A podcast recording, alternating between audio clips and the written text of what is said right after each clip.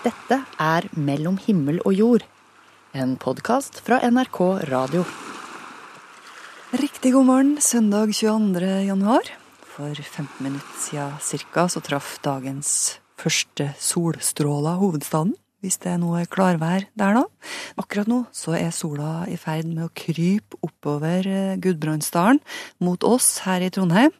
Den lander her om en fem minutters tid før den utvider territoriet og slipper sitt lys over Tromsø klokka 10.21. Sola har nettopp kommet tilbake til Nordens Paris. Er ikke det fint å tenke på? Hvis alt gikk etter planen, så fikk de brent av fyrverkeriet som ble utsatt på grunn av uvær på nyttårsaften i går, på soldagen. Det her er visst den dagen hvor eh, sola treffer kirketrappa i Tromsø. Margrethe Nåvik heter jeg, som står her i døråpningen og tar imot. Det var Jason Castro vi hørte her til å begynne med. Aller først i dag så skal vi høre at eh, innvandrere som er ressurssterke, de får mye støtte og dermed oppmerksomhet i media, og kanskje til og med et fakkeltog de har fordeler. Hva med dem som ikke er så veltilpassa? Hva med dem, hva med dem som ikke er så veltilpassa? Har ikke alle krav på lik behandling? Først nå, det her hørte jeg på P2 mens jeg tok oppvasken for noen dager siden. Mahad Abib Mahmoud, velkommen hit. Tusen takk. UDI mener du har en utypisk dialekt til å være fra Mogadishu. jeg var fem år gammel da jeg flytta fra Mogadishu med tanke på jeg bodde jo i Etiopia, den somaliske regionen i Etiopia, fra jeg var fem år til jeg ble 14 år gammel. Og det sier seg jo sjøl hvis en trønder flytter til Oslo i en alder av fem til de blir 14, så snakker de Oslo-dialekt. Det her er Mahad, en trivelig bioingeniør fra Brumunddal som har vært en av hovedpersonene i media denne uka.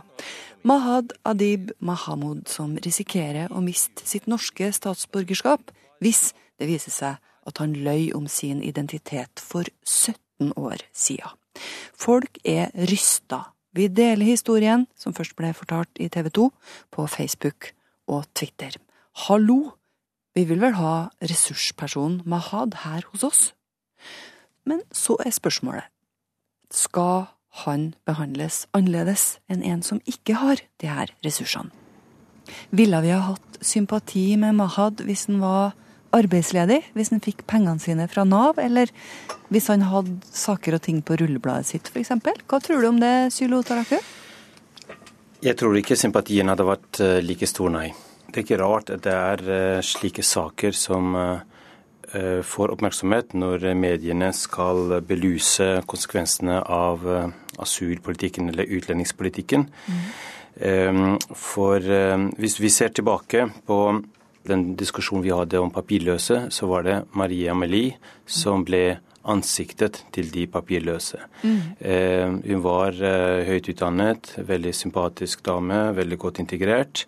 Eh, og eh, fikk veldig mye støtte. Eh, og det ble til og med arrangert fakkeltog for henne og osv. Eh, når vi hadde en diskusjon om um, asylbarna, så var det Nathan eh, som fikk eh, mest oppmerksomhet. Nathan Saken. Eh, veldig sympatisk gutt. Veldig godt integrert. Han også snakket perfekt norsk. Og nå har vi en sak om statsborgerskap, eller tilbakekall av statsborgerskap. Og så er det Mahad som blir ansiktet som som blir det eksempelet da, som rammes av lover og, regler. Mm. Så det er Det som er felles for alle disse sakene, er at det er eh, godt integrerte, ressurssterke personer som folk kan identifisere seg med. Det her er ikke typiske saker, sier Sylo, som er statsviter og rådgiver i tankesmia Agenda. Men det er altså de her sakene vi i media løfter fram. Eh, og jeg tror det skyldes både medienes rolle om å ta parti med lillemann mot staten, altså, og så er det sammenfall mellom idealistiske eh, grunner med at slike saker som vekker følelser, også får mye oppmerksomhet. og Da kan man også selge mer eh, aviser og, få mer klikk på sakene. Og da, sier Sylo, så må vi være bevisst på at det her er spesielt utvalgte saker. For tenk på all det her gjelder. TV 2 kunne også ha funnet en annen person som har fått saken sin granska på nytt av UDI, en som aldri har kommet seg inn i arbeidslivet i Norge, en som får pengene sine fra Nav, som kanskje også har gjort kriminelle handlinger. Ville du og jeg ha slåss for at han skulle få bli i landet? Ville saken ha spredd seg på sosiale medier? Neppe, men det burde han. For det her forplikta vi oss til da vi skrev under på FNs verdenserklæring om menneskerettigheter i 1948. Artikkel 7. Alle er like for loven og har uten diskriminering rett til samme beskyttelse av loven. Altså, Likebehandlingsprinsippet er jo eh, veldig viktig i et demokrati. Eh, også for, å, for, at systemet skal opprettholde troverdigheten. Men i realiteten så så ser man at slike enkeltskjebner som kommer i media, ofte eh, resulterer i at disse sakene, de konkrete sakene får et positivt utfall. Mm. I Maria Amelie-saken så laget man en egen lov eh, for, å, for, at hun skal få bli. At man finner adhoc-løsninger. Men det er uheldig. Altså, lover og, og regler skal eh, være like for alle, og at alle skal bli behandlet likt av offentlige myndigheter. Det må vi ta vare på. Men er det vi i media som gjør en feil her, da, tenker du? Mediene bør være oppmerksomme på at de som allerede har um, stort nettverk rundt seg, de stiller seg sterkere i møte med utlendingsmyndighetene, og kanskje de bør heller eh, i større grad ta opp saker altså av mennesker som, som er ressurssvake og som ikke får den, uh, den hjelpen. Mm. Sylo han kom til Norge fra Kosovo som 18-åring. Etter ti år så fikk han norsk statsborgerskap, så han vet godt hva det er å være en sak i forvaltninga. Nå er han 43. Hvis han hadde mista sine rettigheter, livet sitt som han har bygd opp her i Norge, ja, det ville ha vært en katastrofe sier han. Men jeg har ikke løyet, da. Jeg har også fremlagt eh, dokumentasjon og sånt. Eh, det er sikkert det. Eh, men vi får se om, om, min sak er blant de som nå de sjekker. Og Sylo Taraku, som har jobba både i UDI og NOAS, altså på begge sidene, på en måte. Han sier at saken til Mahad Adib Mahamud viser at det burde vært en foreldelsesfrist på sånne saker. Sånn at folk som ikke har levd et helt liv her, må gå rundt med denne usikkerheten hele tida. Får jeg lov å bli her? Derfor får Mahad siste ord i denne saken. Det her sa han i NRK i uka som gikk. Hvis en 14 år gammel her i Norge gjør noe feil, eller om de er ærlige eller ikke er det straffbart? Nei. Helt til slutt, rent praktisk, hva betyr det for deg å være statsløs? Jeg kan ikke akseptere å være statsløs i mitt eget land, Norge. Jeg føler meg norsk. Inn og ut. Hallo, jeg er norsk! Følelser. Humanbiolog Terje Bongard snakker om følelsen vi mangler. Ditt utgangspunkt har vi jo skjønt gjennom den serien her eh, om følelser. Det er at følelsene har vi fordi de er nyttige.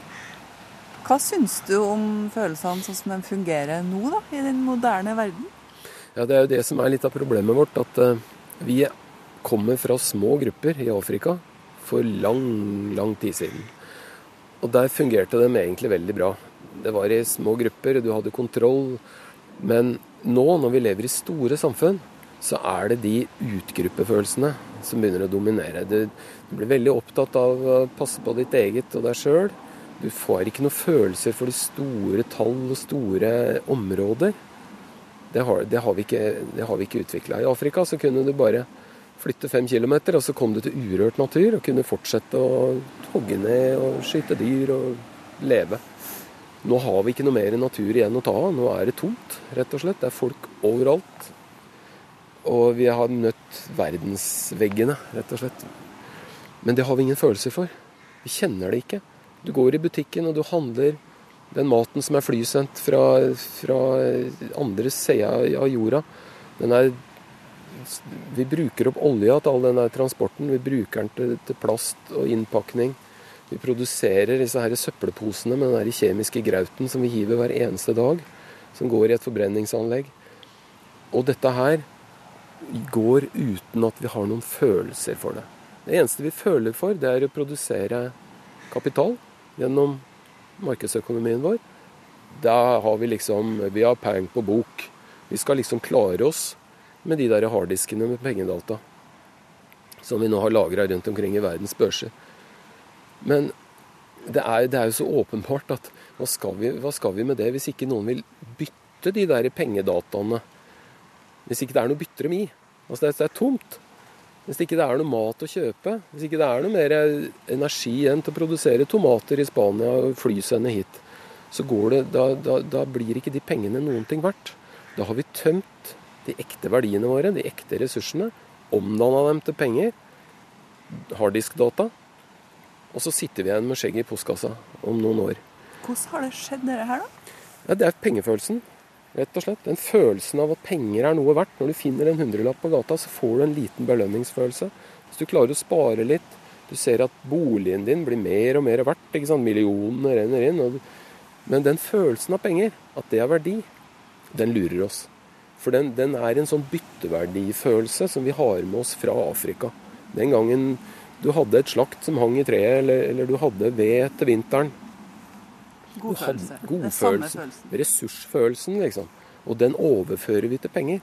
For nå er det jo sånn at du kan gå i en butikk og kjøpe stort sett hva du vil ha. Men hvis det du skal kjøpe, forsvinner, så blir ikke pengene noe verdt. Da hjelper det ikke å bytte det med gull eller, eller, eller malerier eller noe som helst. For da, er, da handler det om det grunnleggende, nemlig mat, overlevelse, bosted, alle de tinga vi er nødt til å ha. Er ikke det samme med ting som er farlig, som er ny? Jo, nemlig. Altså, det Biler. Vi kjører forbi oss i 80 km i timen på en halv meters avstand. Så jeg sykler jo en del. Det er jo mye, mye farligere. Vi burde ha vært redd for biler? Ja. Mm. Giftige kjemikalier. F.eks. Eh, flammehemmere, bromerte flammehemmere, som hver gang du pakker opp en ny PC, så lukter det faktisk litt godt, liksom. Det er jo rett og slett farlig og gir deg skader på arveegenskapene dine og ødelegger barnebarna dine. Men det har vi ikke noe følelse for, for det er nye ting. Hva gjør vi med dette? Vi må Går det an å lage en ny følelse? Nei, men vi må forstå. Vi må snakke om dette. Det må bli, det må bli en del av opplæringa på skolen. Vi må begynne å lage skolebøker og forklare hvorfor, hvorfor dette henger sammen på den måten det gjør. Kunnskap? Kunnskap. Kunnskap og kunnskap. Og det, det er, det er, bare den veien å gå, tror jeg. Men da må vi på en måte overstyre den eh, pengefølelsen. da. Klarer vi det òg? Jeg har en tro på det. Fordi at det, hvis, hvis, vi gjør det likt, det er det som er litt av poenget. Altså han, eh, Trygve Hegnar han sa det jo så fint at det, eh, bare sett opp den der bomringen til 500 kroner, så får Røkke og jeg veien aleine. Så det må gjøres likt. Det kan ikke være sånn at vi har noen sånne superrike som sitter og og ødelegger og river opp limet i samfunnet, rett og slett. Ved å velte seg i penger og ha kontroll over penger og gjøre som de vil. Vi kan ikke ha det sånn. Det må være likt. Da kan vi klare det. Fordi da har vi ikke lenger den Vi må innrømme at vi er misunnelige. Klart vi er det. Det, det, det, er en sånn innrømmelsesprosess, dette her, å innse alle disse her følelsene. Vi er misunnelige. Jeg, jeg, vil ikke at Røkke skal ha så mye penger. Han skal ikke få lov til det. Vi skal ha kontroll på det. Sånn som det er nå, så vil investeringene til, til de to, tre, fire, fem superrike i Norge det har jo mer betydning enn å endre statsbudsjettet. Altså. Forskjellen på Høyre og Arbeiderpartiet er under en prosent av statsbudsjettet. Og det, det, har ikke noe betydning, liksom. Men det at Røkke investerer 30 milliarder eller et eller annet sånt, det har jo mye mer betydning. Men uh, du mener altså at uh at evolusjonen går for seint. Vi, vi, har ikke tida til å vente på den, så vi er nødt til å tilegne oss kunnskap sånn at vi kan eh, ja, om pengefølelsen f.eks., sånn at vi kan overstyre den, at vi kan late som at den ikke finnes, og handle riktig. da. Eh, Terje Bongard, du mener jo å ha sett lyset. Hva, hva, er det som gjør at eh, du ikke når gjennom med det her budskapet? Jeg tror det er en eh, fordi at det er så mye det er så mange rare synsere ute og går som prøver å stoppe dette her. Vi opplever jo masse, masse rart, vi, vi få som, som, holder på med dette her. Noen evolusjonspsykologer og, og meg og noen ganske få til. Det er, det, er så, det er, så, mye rare synsinger og meninger for å, for å unngå å akseptere Det er fornektelse. Det er, Men, det er men blir det litt sånn at romantikken forsvinner, på en måte? Det romantiske synet på mennesket? Kan ikke forstå det. Jeg syns ikke det. Jeg går ut i skauen, jeg setter meg ned og jeg ser på livet rundt meg og kjenner at jeg er en del av det. Og jeg veit hvorfor jeg er en del av det. Og jeg kjenner inni meg og hvorfor, hva er det egentlig som har skjedd. Vi er jo en svartelista art altså, som har tatt over hele verden og er i ferd med å endre verden. Og det har vi rett og slett gjort med det, det huet vårt. Altså, med de følelsene og med de trekka vi har i oss. Så har vi klart det. Vi er inne i antroposen, som det heter. Mennesketiden. Vi er i ferd med å endre ikke bare livsvilkårene våre, men hele naturen. Men altså, Arter når du sitter der med all den kunnskapen om hvordan ting henger sammen, som er litt sånn teknisk, da, så, så føler du allikevel at du ikke mister noe sånn godt uh, syn på mennesket, liksom? Nei, jeg, jeg, jeg ser det ikke. Altså kunnskap. Vite hvorfor. og også morsomt. Og du kan grave og grave. Og det, det er detaljene strømmer på deg. Det, det blir jo aldri utlært på detaljer. Det gjør det ikke. som du sier, følelsene blir ikke borte likevel. Nei, det gjør de ikke. Langt ifra. Jeg, jeg, jeg tror jeg er mer forundra over naturen nå enn jeg noen gang har vært. Altså. Det, det er, jeg kan sitte og falle i staver over de enkleste ting. Altså. Tenke liksom hva er eh, Men samtidig så må du løfte blikket. Prøve å se hvordan vi kan klare å få kontroll over menneskeheten. Lurt. Sånn at vi kan se framtida lyst i møte og ha en trygghet. Det er et svært prosjekt, da. Svært. Det er derfor ikke jeg kan bare gjøre det aleine. Ja. Ja. Vi må bli flere. Jeg møtte Terje til de her samtalene på en benk i Rotvollfjæra i Trondheim i sommer. Og så må jeg jo fortelle at eh, han også har skrevet bok om det her, Terje. Det biologiske mennesket heter den. Mellom himmel og jord. Vennskap er viktig for de fleste av oss, men eh, hva skjer når du kommer til et nytt land, der du ikke kjenner noen? I disse dager så lanseres en ny app til smarttelefoner som skal gjøre hverdagsintegreringa enklere.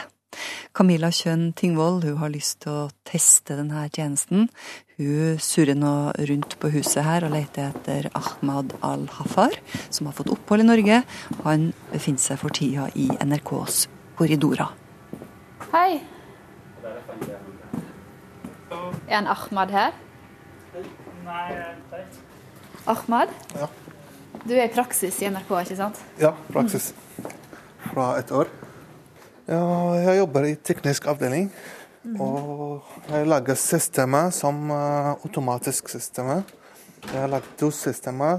Uh, første en uh, som alarm for uh, radio P1 og P3. Og det sender varselmelding eller e-post for når det er lyden av eller stillhet over 20 sekunder. Altså det Du gjør da, du har laget et system som gjør at hvis det blir stille på lufta i mer enn 20 sekunder, så går det ut en melding til diverse viktige personer i NRK. Ja. Eh, og nå har vi kommet inn der den boksen er. Ja. Ja. Men du, Ahmed. Du er ikke fra Norge. Jeg er- kommer fra Syria. Men nå har jo du bodd i Norge i tre år. Har du fått deg eh, noen venner og blitt kjent med folk? Ja, ja jeg, har kjent, jeg, at eh, Men ikke så mye. Nei. Det er bare i, eh, jobb. Uh, eller på Jeg studerer på norsk på universitet universitet for, for uh, NTNO. Og jeg kjenner som folk der. Og, men jeg kan litt vanskelig å snakke med folkene i torget, kanskje, eller på veien. eller da. Det er lettere å snakke med folk i en sånn sammenheng, sånn som NRK eller på NTNU eller Det er veldig hyggelig på, på, på folkene her. Men uh, uh, nordmenn vil ikke snakke Eller ikke kjent øh, uten, øh, øh, uten øh, jobb eller uten skolen eller uten familien. Ja. Altså det er vanskelig å bli kjent med nordmenn utenfor jobben eller utenfor denne her eh, hvis du er på universitet eller har et eller annet du driver på Ja, på fritiden. Det, ja, jeg tror det er, det er vanskelig. jeg tror. Ja. Ja. Men har du lyst til å bli kjent med flere folk? Ja. Fordi nå er jo det en sånn app som er lansert. Et Mhm. sånt program som man kan laste ned på smarttelefonen sin. Ja. Der eh, det skal bli enklere da, Mhm. eh, for eh, nye folk i landet å komme i kontakt med folk som allerede Mhm. Ja. bor i Norge. Ja. Du Skal vi sjekke ut den appen? Ja. Ja, Vi kan sette oss her borte. Og mens eh, Ahmad og jeg eh, leter etter en plass å sitte for å opprette denne her profilen på, på appen, så gir vi ordet til Randi Espegren, tilknytta tankesmia Superkraft. Det er altså den bedriften som har spytta inn penger for å få tilpasse appen i Norge. For det er sånn at eh, tjenester har allerede vært i bruk i Sverige i ett år. Jeg tenker jo i utgangspunktet at den passer bra for alle som er interessert. eh, Om det er eh, flyktninger som vil møte nordmenn, eller nordmenn som vil treffe flyktninger. Eh, Men så tenker jeg jo selvsagt at den er ekstra nyttig for de flyktningene som har fått opphold, og som, de, som vet at de skal være i Norge. Men det er jo klart at det er mange som sitter på mottak i mange år og venter på svar. Så eh, det vil jo være et veldig fint eh, verktøy for dem å, å, å kunne bruke appen for å skape en meningsfylt eh, hverdag, mens de venter på å få vite om de får opphold eller ikke. Kan du ta bort stolen? Det er gratis. Mhm. Hva heter på appen? Eh, welcome. Welcome. Det passer bra, da. Hva tror du om det her, da? Jeg tror det er veldig god eh, idé, fordi uh, utlendingfolkene kjenner ingen i, eh, i Norge eller i, nord, eh, i Nordlandet. Og det er veldig god appen å lage Jeg vet ikke på, på norsk, men friendship. Ja, Og få eh, vennskap. Ja, vennskap. Der. Ja. Ja. Der har du opprettet en profil.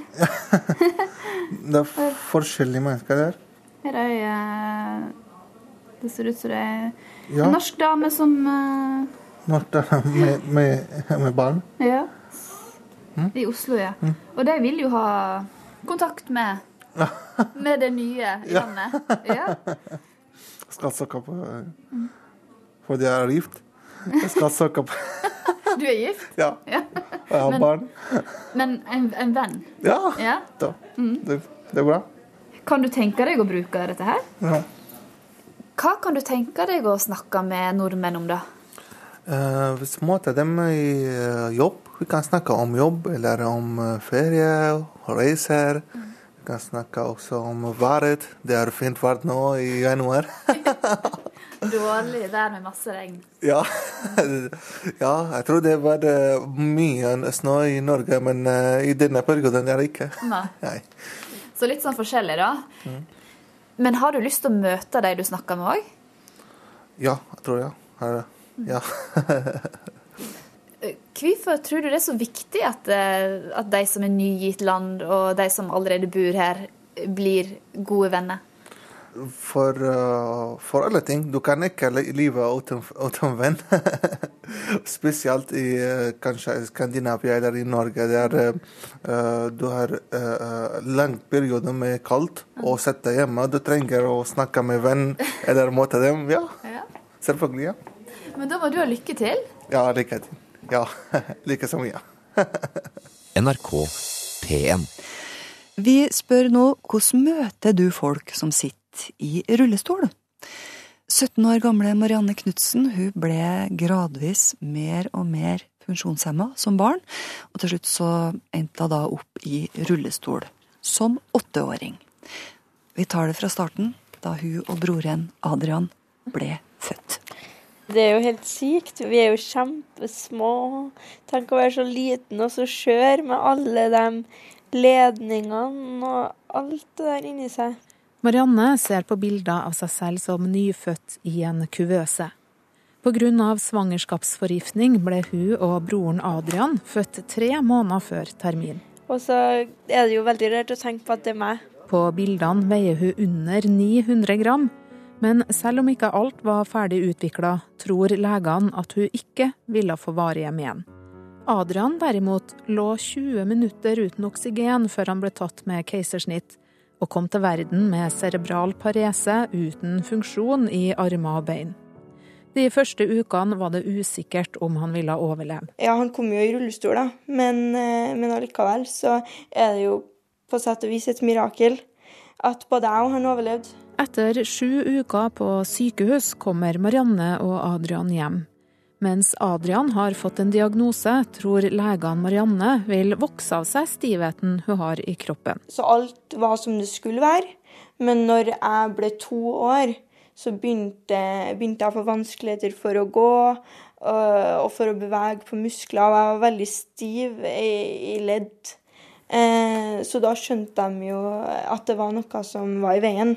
Det viser seg at også Marianne har cerebral parese. Eh, men fram til jeg var åtte år, så har jeg kunnet gått med kanskje en stav eller en hånd, eller siden at det ble litt verre og verre, så følte jeg veldig på den her eh, at jeg syntes det var veldig vanskelig da, å bli mer hjelpeløs. Jeg var jo barn. Jeg ville jo leke, jeg ville jo være med, jeg ville jo klatre i trær. og gjøre det samme som de andre gjorde. Jeg var veldig redd for at det kom til å gjøre at jeg ble sittende på sidelinja. Da. Og at jeg kom i situasjoner der jeg da, Hjelpeløse situasjoner. Da. Jeg var jo vant til å kunne gå opp fra senga sjøl og til å liksom komme meg overalt. Men plutselig liksom i så ung alder kjenne seg så maktesløs da, over sin egen kropp. Det syns jeg var veldig tungt den går en gang, men så Ja, hvis du gjør det, så fikser jeg det. Marianne og Adrian skal spille et spill sammen på nettbrettet. Begge sitter i dag i rullestol, og de har alltid hatt et nært forhold. De forstår hverandre godt, nettopp fordi de langt på vei har opplevd mye av det samme, selv om Marianne er mye mer funksjonsfrisk enn broren sin. Det er jo mange som tenker at når jeg sitter i rullestol, så har jeg jo ikke akkurat sluppet billig unna. Men altså, jeg tenker at jeg er utrolig, utrolig, utrolig heldig. Og han har også det her i perspektivet om at han er heldig, for han skulle jo dø. Men du har ikke noen gang tenkt at det hadde vært bedre om dere hadde dødd? Nei, absolutt ikke. Det, altså, det, eller, eller, det var kanskje litt å hoppe for raskt til en beslutning, men både jeg og broren min krever jo masse hjelp. Og vi koster masse penger. Og da har jeg jo på en måte i noen sammenhenger tenkt at, at vi kan være en byrde for enkelte, men på et annet vis så er jo det helt feil. Man kan ikke definere mennesket i hva de koster, eller hva de, hvilke hjelpebehov de har men hvordan jeg og Adrian, hvordan tilstedeværelse vi har. Liksom det at vi kan vise godhet til mennesker. Det at, bare det at han gir såpass mye glede da, i livene til folk, og at jeg også gir såpass mye glede i livene til folk, så er det jo absolutt ingen tvil om at det er en større ressurs at vi er levende enn at vi er døde. Du, jo, du kan jo snakke masse, masse, masse hvis du vil. Altså, I dag snakker Adrian, men han hadde ikke språk før han var ni år gammel. Og det at kroppen til Marianne fungerer så mye bedre enn hos broren, har gitt henne skyldfølelse. Jeg føler ofte at jeg liksom har alt i mine hender. Og jeg syns jo ting, ofte at ting er vanskelig, jeg òg. Men allikevel er jeg så utrolig takknemlig for det jeg har. Og da tenker jeg ofte hvorfor meg? Hvorfor ikke han? Hva, hva er meninga i det her? Hvorfor ikke begge to? Hvorfor liksom Ja, at jeg stiller meg de spørsmålene, da, for det er jo urettferdig. Eh, jeg syns at det er urettferdig. Hvordan har du forsona deg med at ting er som de er? Altså, Jeg er jo utrolig glad i den, så det har egentlig aldri vært sånn at jeg har forsona meg helt med det. Så har jeg jo eh, tatt meg til ro med at jeg eh, er nødt til å gjøre det som gjør meg glad i mitt liv. Altså, jeg er nødt til å gjøre det som jeg føler gir livet mitt mening, da. Så jeg kan ikke stoppe å leve mitt liv heller. Men eh, det er jo ting som jeg tenker på nå og da.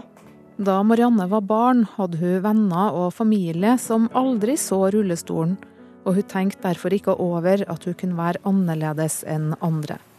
Men en dag hun venta på bussen da hun var tolv år, skjedde det noe som endra alt.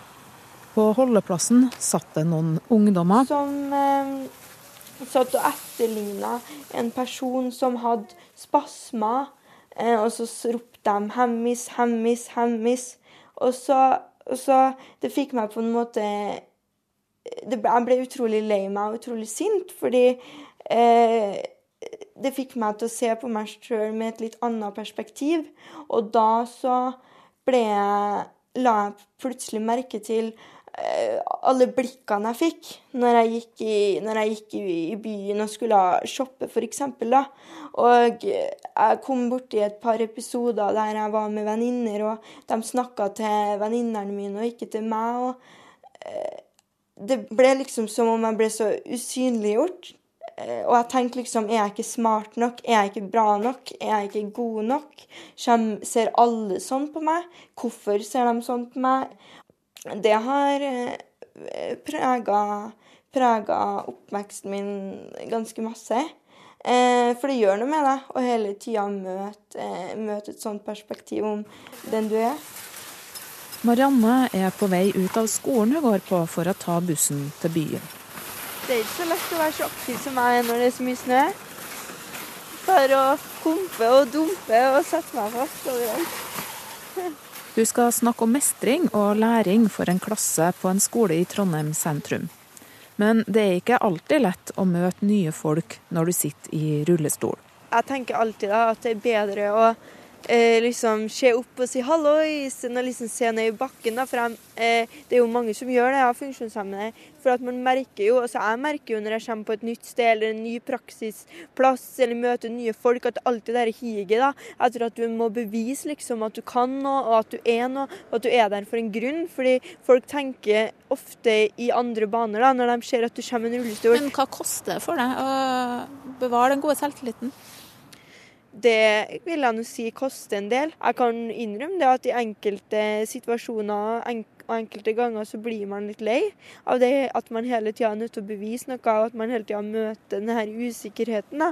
Så det, i enkelte sammenhenger så har det kanskje gjort at jeg har eh, tenkt over ulike spørsmål og kanskje til og med blitt litt usikker på meg sjøl òg.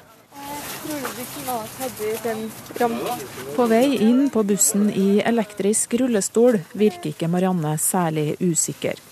Kanskje kommer tryggheten hun utstråler av at hun må ta et oppgjør med seg selv, da hun som tolvåring så noen ungdommer etterligne en person med spasmer.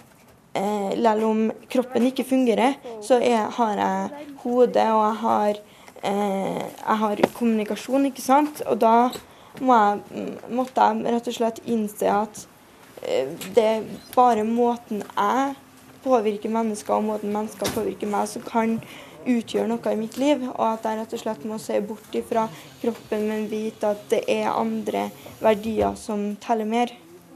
Hvilke verdier ble det for deg? Det ble at eh, ofte, da Eller når jeg ble så, såpass hjelpeløs, så var det jo ofte det at jeg måtte be andre om hjelp. Og det er egentlig noe som jeg har syntes har vært eh, veldig vanskelig. At jeg har følt meg ofte som en, eh, som en byrde, da, som alltid må, alltid må er avhengig av andre. Så verdiene der for meg egentlig rett og slett og, eh, og, og kan å vite at du kan faktisk gi godhet og gjøre ting for mennesker selv om det ikke er fysisk. Eh, for det er så, så, masse som teller så mye mer, da. Om du er positiv, om du er, om du er engasjert, om du, om du, Altså at du er noen som folk kan komme til, noen som folk kan prate eh, Og rett og slett at du eh, møter folk da med et åpent sinn. Eh, og det eh, har jeg vært veldig bevisst på. Men i det siste føler jeg at det er mange fremmede, eller kanskje uvitende, som ser på meg med andre øyne enn det jeg faktisk er. Det her var tolv år gamle Marianne som leser fra en e-post hun sendte til NRK. Hun tok kontakt med media fordi hun var lei av at andre så på som annerledes. E-posten ble til TV-innslag, som igjen ble et vendepunkt for Marianne. Det gjorde noe med meg å, å få å, bli, å, bli, hørt, da. Å bli sett. Og, og, bare rett og slett å se da, hvor utrolig masse det trengs. At noen kommer og utfordrer holdningene til andre litt. Det har gjort at jeg, eh, det har gjort at jeg ser da, at det nytter å kjempe for eh, å kjempe for en sak, og at det utgjør noe, og, eh, og utgjør en forskjell i, i, samfunnet. Så i ettertid så har jeg, har jeg blitt veldig engasjert i å hjelpe eh, og gi andre ungdommer med funksjonsnedsettelser et annet, et annet perspektiv, da, og, og rett og slett eh, la deres, og jobbe for at deres stemmer blir hørt. Vi må jo bare finne ut hvor vi går herfra, da. Vet du det? Marianne har kommet seg av bussen i Trondheim sentrum, hvor hun skal snakke om å være ung og funksjonshemma for skoleelever på sin egen alder. Hun har i dag sju verv i AUF og ulike andre organisasjoner. Mine kampsaker sånn generelt er jo at alle skal ha like muligheter. Uansett om du er, funksjonshemma, om du er svart eller hvit, om du er Eh, om du er homo eller hetero. Altså, det er jo det som på en måte er min kampsak. da, At alle mennesker er, like, er likeverdige. Men som funksjonshemma så er det vel rett og slett at det er ikke det er ikke funksjonshemninger i seg sjøl som er problemet. Det er samfunnet, det er samfunnet rundt eh, som gjør at man blir funksjonshemma det har ikke vært enkelt som 14-åring å vite at hvis du er med venninnene dine inn på den restauranten her, så blir de sannsynligvis nødt til å vente en halvtimes tid, for de vet ikke hvordan de skal få deg inn. Det er ikke morsomt å få 100 blikk på deg fordi at alle er nødt til å flytte bordene sine, for det er altfor trangt på restauranten til å ha plass til en rullestol. Det er nedverdigende og er nødt til å gå bakveien inn hver eneste gang du er en plass. Sånn. Perfekt. Rett vinter.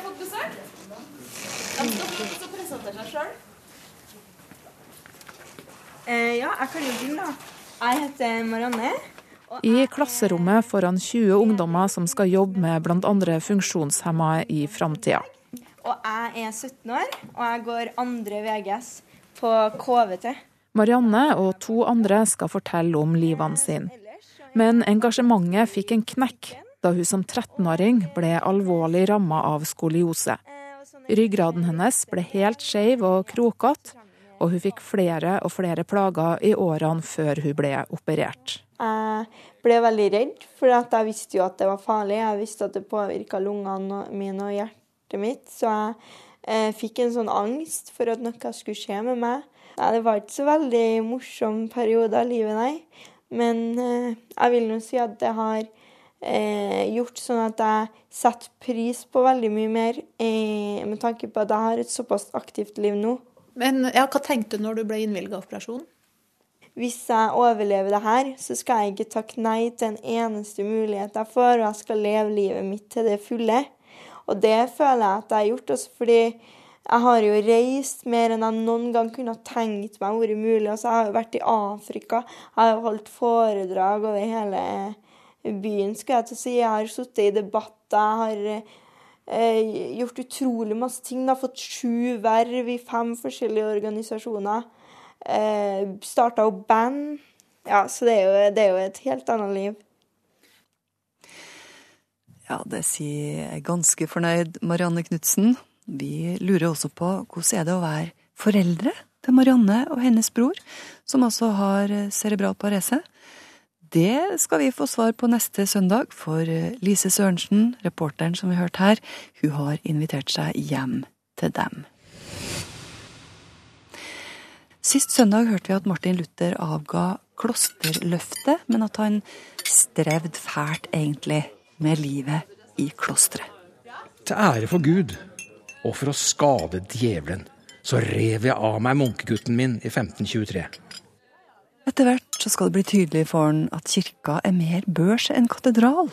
Et forretningsimperium mer enn et sted for sjelen. Du må betale deg inn i himmelen og kjøpe deg en enklere reise fra livet til døden.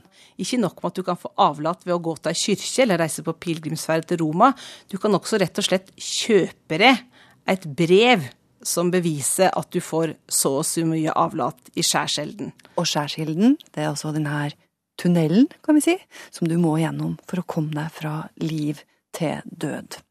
Sigrun Høgetveit Berg er historiker ved Universitetet i Tromsø. Eh, paven sendte rundt ulike handelsmenn som rett og slett solgte brev, som er et slags aksjebrev, til enkeltpersoner der du betalte så og så mye, og så lovde han her i utsendingen at da får du forkorta tida i skjærselden. Og dette er på en måte Dette sier Luther, dette her går bare ikke an. Ikke har det noe rot i Bibelen, og ikke har det noe rot i kanonisk rett. Dette er bare makt- og pengemisbruk fra kyrkja si side. Men sånne avlatshandlere, de har vi ingen kilder på at var i Norge. Ja, det her vet vi altså ikke helt sikkert, sier Sigrun. Men eh, det vi vet, er at du kunne få tilgivelse ved skrifte. Og hvis det var en litt større synd du hadde begått, så måtte du til biskopen. Og var det enda verre hvis du for eksempel var gift med firmenningen din, ja, da var det ei synd så fæl at saken måtte helt til Roma. Altså Firmenning kan du ikke gifte deg med. Den Femmenningen er den første.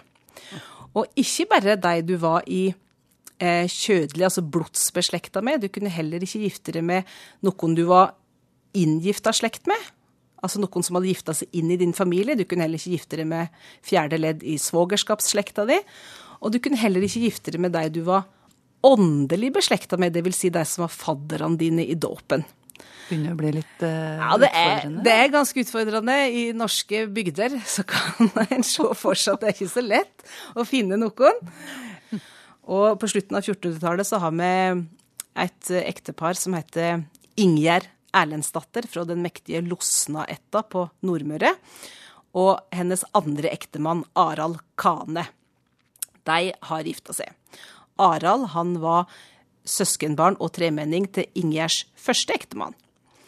Og så sier de til paven at vi visste ikke om det. Og vi er lei oss, og vi har gifta oss, men vi håper at vi kan få dispensasjon. Og det gir paven deg. Det er greit, sier han. Eh, og de får lov til å fortsette å forbli gift. Men, eh, men dette kosta jo penger. Altså alle ledd i denne rettsprosessen, alle, alle, brev som skulle skrives, måtte jo betales for. Det var avgift på avgift på avgift. Og i Tyskland så går Martin Luther rundt og finner ingen logikk i at man kan kjøpe seg fri fra sine synder med penger. Du trenger ikke å betale noe, sier Luther. Du trenger bare å tro. Og presten, presten har nå ingen innvirkning på livet etter døden. Han har fortsatt trua på paven, den unge Luther. Paven kan da umulig vite noe om hva som foregår. Han vet sikkert ingenting om denne avlatshandelen. Kjære pave Leo, eh, du må, du må, nå høre hva som skjer. Og det kan umulig være sånn at, at du godtar dette, hvis du virkelig vet hva som skjer. Å jo da, paven i Roma vet hva som skjer. Tarald Rasmussen forteller at paven ikke bryr seg noe særlig med denne munken som holdt til ute i periferien oppe i Tyskland et sted, var ikke det? Erfurt eller noe sånt. Men paven har lojale tilhengere i Tyskland som gjerne ser at Luther blir erklært kjetter. Og i 1520 så får Luther en trussel om bannlysning. Hvis ikke du tilbakekaller de gale tingene du har sagt innen 10. desember, så blir du eh, erklært som kjetter. Da kommer det en skikkelig bannbulle. En skikkelig bannbulle. Ja, det kan jo høres koselig ut, det, men det er det altså ikke. Det her er alvorlige saker. Luther har sagt at paven kan ta feil, og sånt kan man bli tatt av dage for i 1520. Han har dessuten sagt at hvis du tror, så er du frelst. Rett og slett. Uhørt sier pavekirka. Som menneske er du svak. Du kan aldri være sikker på din frelse. Men Luther gir seg ikke. Han trekker ikke tilbake noe som helst. Og det han i stedet gjorde, var å ta med seg studentene og et par kollegaer. Og på den dagen var, hvor fristen utløp for å trekke tilbake vranglæren, 10.12.1520, så arrangerte Luther i stedet et bokbål hvor han brente offentlig sammen med studentene eh, de, denne banntrusselbullen som var kommet fra Roma. Og sammen med banntrusselbullen så brente han også hele kirkeretten. Og det var altså i de her to tjukke bøkene som Luther brant, kristenretten, at det sto at Ingjerd og Arald på Nordmøre, som vi hørte om i stad, måtte ha pavens tillatelse til å gifte seg. Fordi Arald var i slekt med eksmannen til Ingjerd. Og det, med det bokbålet i slutten av året 1520, så var, så var på en måte, da, da var det ingen vei tilbake. Og neste vår så utstedte paven i Roma den endelige bannbullen, så da var Luther kjetter. Og like etterpå så konkluderte Luther eh, definitivt med at paven er ikke bare en eh, kirkemann som er på avveie, han er selve antikrist. Antikrist sitter ikke i en djevlestall eller i en svinesti eller blant en flokk vantro, men på det edleste og på det helligste sted, nemlig i Guds tempel. Luther finner belegg for sine påstander i Bibelen, sier han. Det begynner å bli farlig for han, det her. For paven er på parti med keiseren, og keiseren har våpen. Og en kjetter skal fanges og drepes. Og akkurat i årene 1520 til 21 så var det helt uklart om det ville lykkes Luther å slippe unna med livet. Og for å unngå det så flyktet Luther da, eller ble tatt i varetekt av uh, sin egen kurfyrste og tatt opp på den kjente borgen Wartburg og oppholdt seg der i flere måneder, undercover så å si, han, under et annet navn, for å unngå å bli tatt. Som du sa, 1500-tallets Snowden. Ja. Tarald Rasmussen og Sigrun Høgetveit Berg er våre eksperter i denne serien om Martin Luther og reformasjonen, og de er tilbake neste søndag. Vi her mellom himmel og jord er glad for både spark på leggen, klapp på skuldra og slag i mellomgulvet. Ja, kanskje ikke det siste, da, men her har du iallfall e-postadressen vår, himmel og jord, krøllalfa, nrk.no. Husk også at NRK har en egen radioapp. Last ned, det er ingenting å lure på. Mye god radio å finne der, altså. Margrethe Nåvik heter jeg, som ønsker deg lykke til med resten av søndagen. Ha det bra! Hør flere podkaster på nrk.no podkast.